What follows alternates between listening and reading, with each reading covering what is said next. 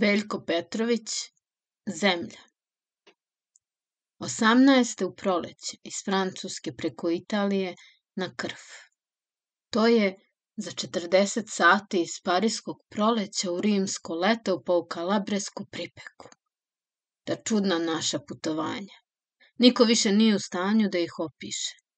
Lažni i oskudni su i dnevnici onih malobrojnih taštih srbalja jer ko se nije stideo da punovažno beleži sitne lične doživljaje, tada, kada su čitavi narodi bili samo klinčići jedne gorostasne, zahuktale demonske mašine.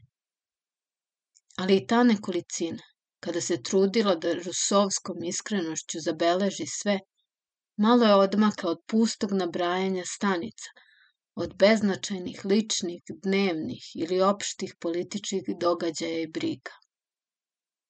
A ono, ono što nam je vrilo, što je podmuklo lokalo u svim našim dušama, ono što smo skrivali, ono što smo zaglušivali površnim svojim namerama, zadacima i očljivim bolovima, ono što je činilo da smo naročito posmatrali tuđe krajeve, tuđe ljude, te ih danas više uopšte ne bi ni prepoznali. To se izmicalo čim bi stigli negde, na svoje privremena opredeljenja.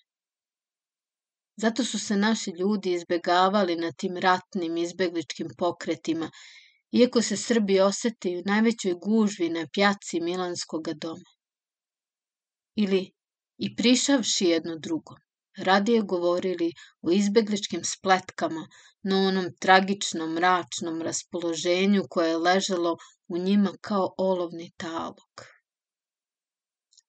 posle cvetne i voćne Lombardije, koja svojim groznim girlandima od stabla do stabla večito slavi svoj dionizijski pir i osunčane kampanje, gde je i sumporni nazarećanin dobio apolonsku togu i cezarsku dijademu mesto u krvi zarođalog trnovog venca, uđo smo u zaslepljivo beli, beli, treperavi od jare, užareni jug i ono par kvrgavih smokava, limunova i palmi, posuto je brašnom ovog svemoćnog pečenog belog kamena.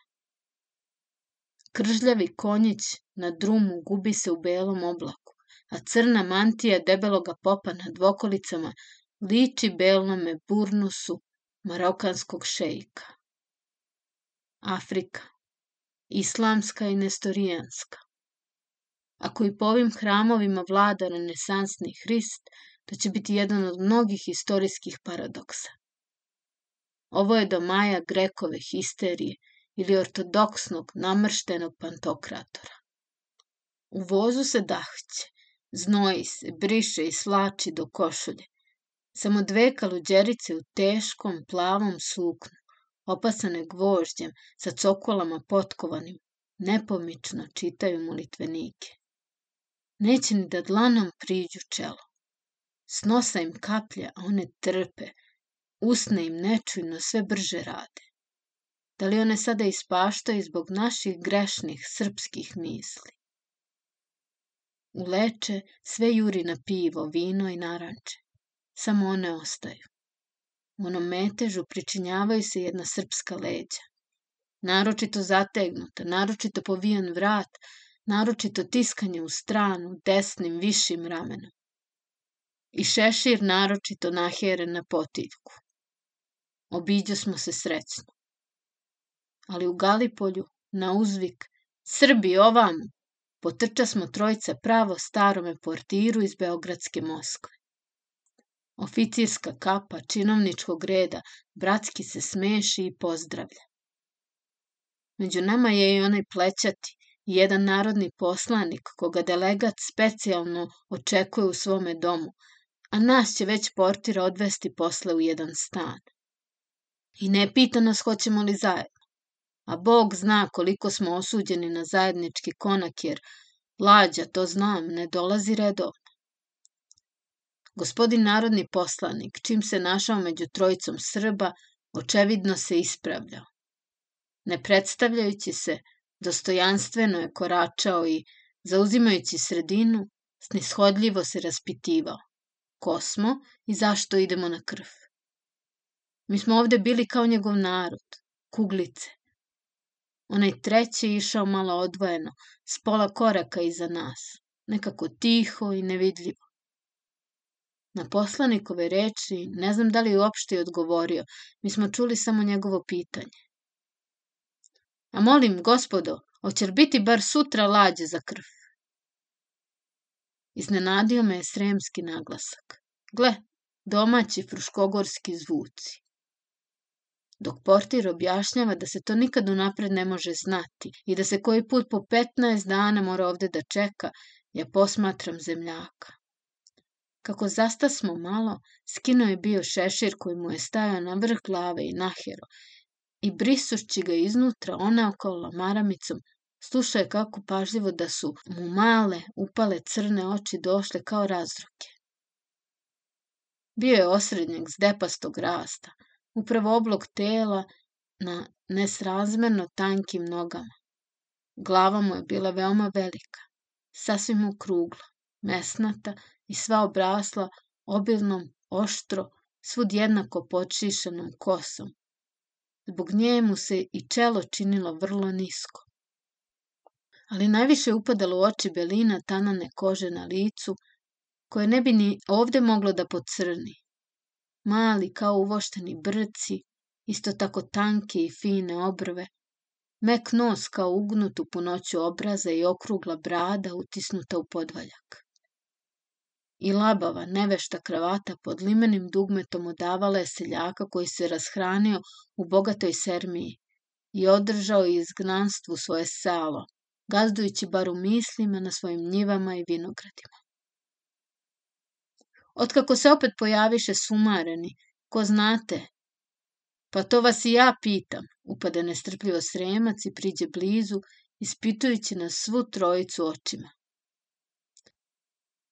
Pre četiri dana, u sredu na noć, jel te, torpiljirali su jednu lađu na kojoj su bili naši đaci. Znate, i moj sin je, ne daj Bože, bio s njima. Pa jel znate što o njima? Jesu li se spasli? Ko sve od njih? Izvinite, al znate? Smrači smo se namah sva trojica, dok portir, mucajući ubrsa. Jeste, jeste, nažalost izvešteni smo, ali još ne znamo da li su se svi spasli. Bit će da su se već iskrcali negde, čamci i splavovi s njima, ali još nema izveštaja. Sad ćemo upitati gospodina delegata. Sremac nam je uz put rastumačio da mu je sin otišao u dobrovoljce prošle godine, pošto su njih dvojica prebegli s našom vojskom kad se ona povukla iz Dobanovaca. Iz ravnog je Srema, dakle, a ne Fruškogorac. Sad su ga rešili vojske i poslali na nauke u Francusku. Pisao mu je tako, da ga čeka u Marselju ovih dana, pa kad je preključe u Nici pročitao depešu o torpiljiranju naše krvske lađe s đacima, odmah se poplašio najgoreg. Depeširao je na krv, ali nemoguće sačekati odgovor, eto, Pošao je lično da čuje i vidi šta je s njegovim sinom. Da je Bože da se samo mimoiću. Ništa lakše nego se vratiti. Ali kakva je crne sreća od početka ovog rata. Uplašeni otac pričao je sve to polako i poluglasno. Samo je češće morao usred reči da predahne, kao da ugušuje uzdah ili jauk. Odmah smo ga zapitali za ime kao da bi nam to pomoglo u traganju. Sava Nedeljković, reče, posednik, a sin mu se zove, ili se, ne daj Bože, zvao, Miloš, maturant Karlovačke gimnazije. Ni delegat nije umeo ništa više da kaže, sem da je na lađi zaista bilo 14 đaka. Da li ih ima još na krfu koji čekaju da drugom lađom pođu i koji su možda već na putu, on ne zna. No on će još večeras poslati depešu vladi i molit će tačan izveštaj, a za Miloša će pitati naročito. Pošto smo videli svoju sobu nedaleko od delegatovog stana u jednoj sporedonoj i tesnoj uličici kojom je strujao morski vazduh, iz koje se u neposrednoj blizini videla beskrajna pruga modrozelene pučine, kao iz neke zazidane kamene kule da gledaš u večito živu šumu i oblake. Sremac se oprostio sa mnom.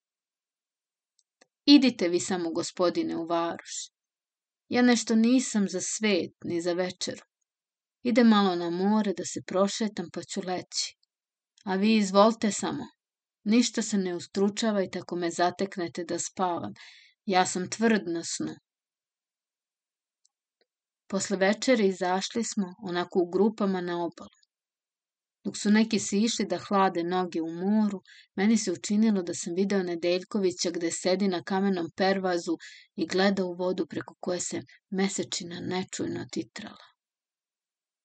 Zatim smo svrnuli još na jednu kavu espresso i na svojske domaće razgovore, pa svaki, nagađajući i pipajući po mraku, u svoj konak. Kad sam zapalio sveću, primetio sam da Nedeljković leže okrenut zidu, ali da trepće. Pretvara se da spava siromah čovek i ja ću se prema tome tiho svlačiti. Odjednom on duboko i bolno uzdahnu. Trgoh se, obrdoh se prema njemu, a on sede i pogleda me svojim očevidno isplakanim krvavim očima. Izgubio sam ja njega, vidjet ćete. A gdi, gdi? Jeste li vidjeli kolika je to sila? Nigdje joj ni kraja, ni dna. Nemojte već sada očajavati, gospodine Nedeljkoviću. Ko zna? Pričekajte. Verujte u Boga, u srećan slučaj. Ne bi on bio prvi koji se spasao. Ja sam nedavno video u Rimu jednog našeg majora koji je tri put bio torpiljiran i to dva put na putu od Bizerte, pa se svaki put srećno spasao na splavu. Daj Bože gospodine, a znate, tu mi je prazno, pa se udari u grudi. Sve nešto najgore misli. Da nikad više ni čuti neću ništa o njemu. Kad more proguta, ono sve proždere. I telo i krst čovekov a sigurno i dušu čovečju zadrži do sudnjega dana. O, nesreće moje grdne!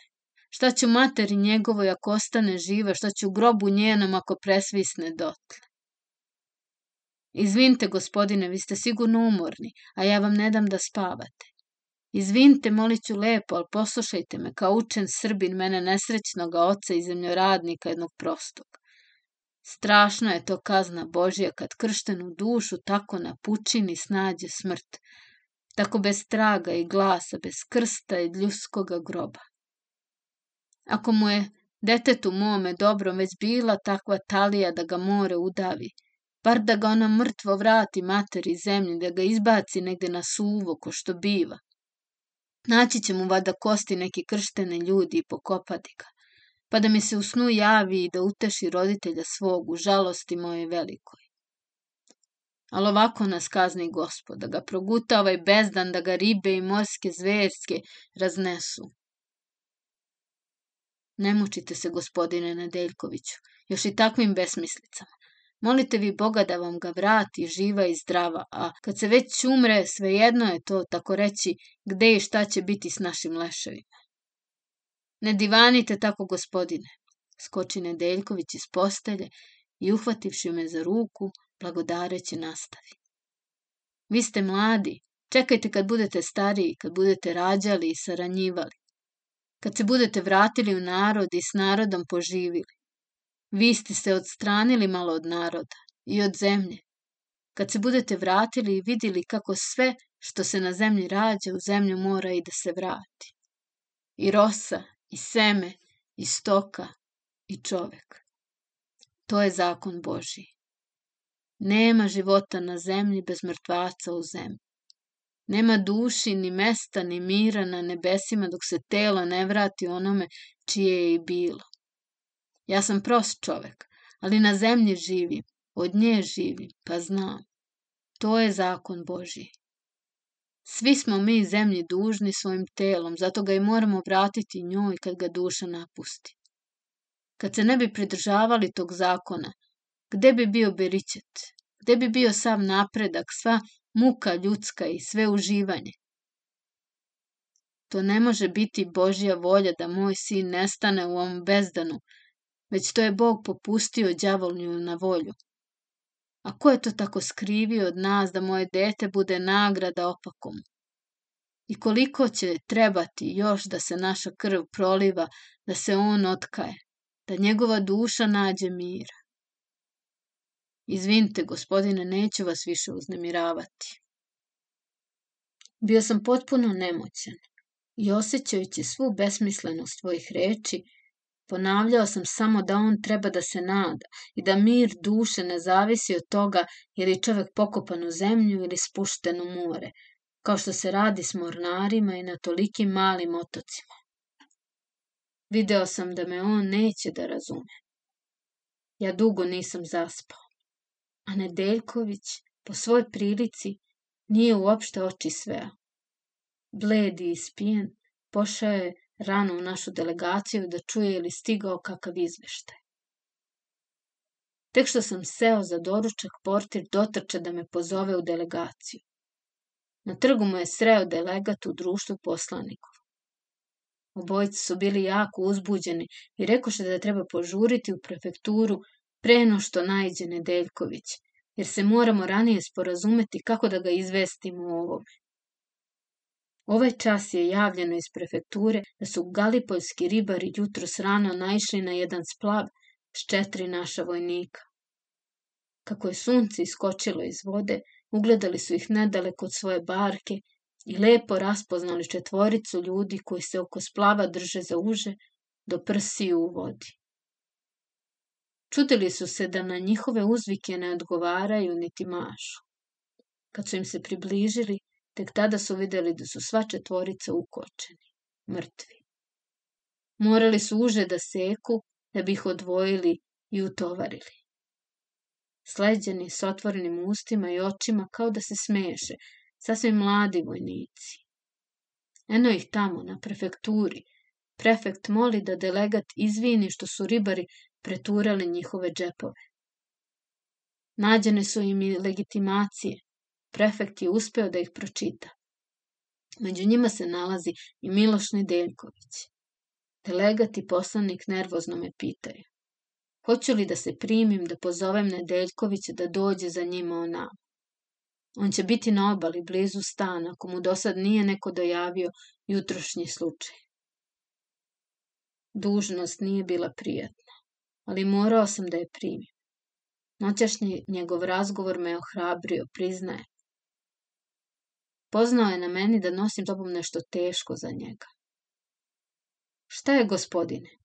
A levo mu oko igra u strahu.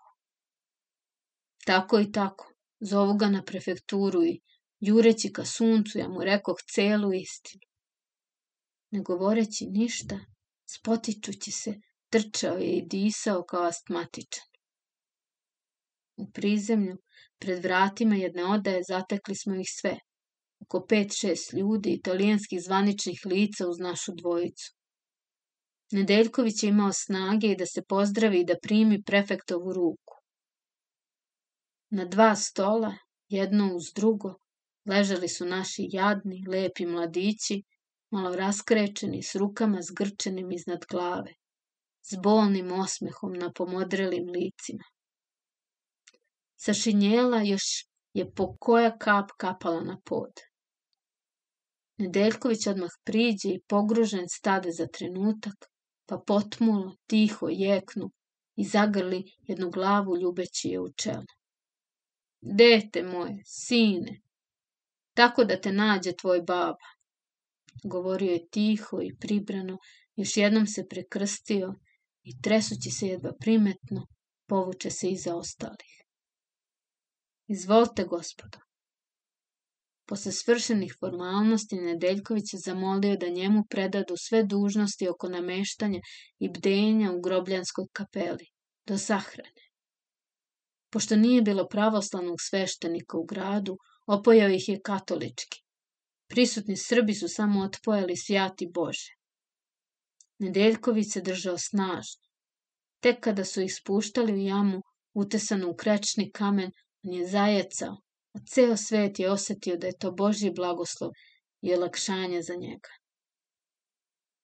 Sine moj, kad već Bog nije dao da te živa zagrli, Hvala mu i na tome što te je baba i mrtva našao. Pri povratku Svi su se Srbi sjatili oko njega kao da je on otac sve četvorice utopljenika. Ali njega već nije trebalo podupirati ni tešiti. Iako je brisao svaki čas po koju usamljenu krupnu suzu, on je sasvim prisebno govorio svima nama. Zar nemaju ovi ovde nigde utrine od žute zemlje ili bar od peska i šalitre za svoje mrtve? Drže ih u kamenim sanducima iznad zemlje da se peku na toj jari. Bože me oprosti. Zato i udara to njihovo groblje. Jeste li osetili, gospoda? Grehota jedna i reći, ali paši sa svih strana. E, sine moj slatki, samo ako se tvoj baba vrati živ i crno ispod nokta će potrošiti samo da tebe ponese u tvoju lepu zemlju, u naše cveće i zelenilo. 1927.